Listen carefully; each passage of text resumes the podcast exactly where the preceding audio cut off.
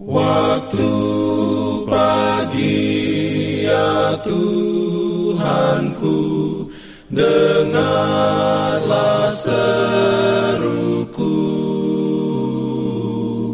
Melayang doa yang sungguh Memandang padamu Selamat pagi pendengar Radio Advent Suara Pengharapan. Mari mendengarkan suara Tuhan melalui tulisan pena inspirasi Bersama Allah di waktu fajar. Renungan harian 4 Januari Dengan judul Allah bukanlah manusia Ayat inti diambil dari Bilangan 23 ayat 19 Firman Tuhan berbunyi Allah bukanlah manusia, sehingga ia berdusta, bukan anak manusia, sehingga ia menyesal. Masakan ia berfirman dan tidak melakukannya, atau berbicara dan tidak menepatinya? Diberikannya perlindungan dalam pimpinannya. Urayanya sebagai berikut. Sementara kita mempelajari lebih banyak tentang apakah Allah itu dan apakah diri kita ini pada pemandangannya, kita akan merasa takut dan gemetar di hadapannya. Dia, Yesus, tujukan kepada para pendengarnya, pemerintah alam semesta, dengan nama yang baru, Bapa kami. Dia ingin supaya mereka memahami betapa lemah lembutnya hati Allah yang merindukan mereka. Dia ajarkan bahwa Allah memelihara setiap jiwa yang sesat.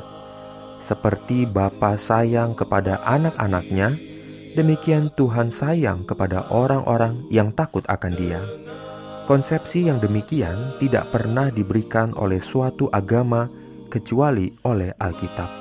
Kekafiran mengajarkan kepada manusia supaya melihat yang maha tinggi sebagai suatu objek yang harus ditakuti ketimbang untuk dikasihi. Dewa pemurka yang perlu ditentramkan oleh korban-korban ketimbang Bapa yang mencurahkan karunia kasih kepada anak-anaknya. Malah orang Israel telah menjadi sangat buta terhadap ajaran berharga dari para nabi mengenai Allah, sehingga penyataan kasih kebapaannya menjadi suatu pelajaran asli, suatu pemberian baru kepada dunia. Orang-orang Yahudi menganggap bahwa Allah mengasihi orang-orang yang melayani Dia sesuai pandangan mereka, yaitu yang memenuhi tuntutan-tuntutan para rabi, dan selain itu, semua penduduk dunia berada dalam amarah dan kutuknya. Bukan demikian, kata Yesus seluruh dunia yang baik dan jahat berada dalam cahaya matahari kasihnya. Allah tidak memperlakukan kita sama seperti manusia fana memperlakukan sesamanya. Pikirannya adalah pikiran kemurahan, kasih dan kasih penuh belas kasihan. Dalam pimpinannya,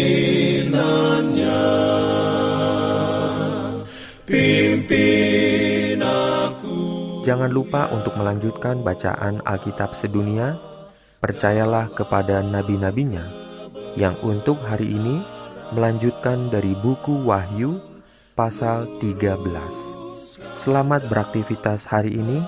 Tuhan memberkati kita semua. Jalan kewajiban, jalan keselamatan.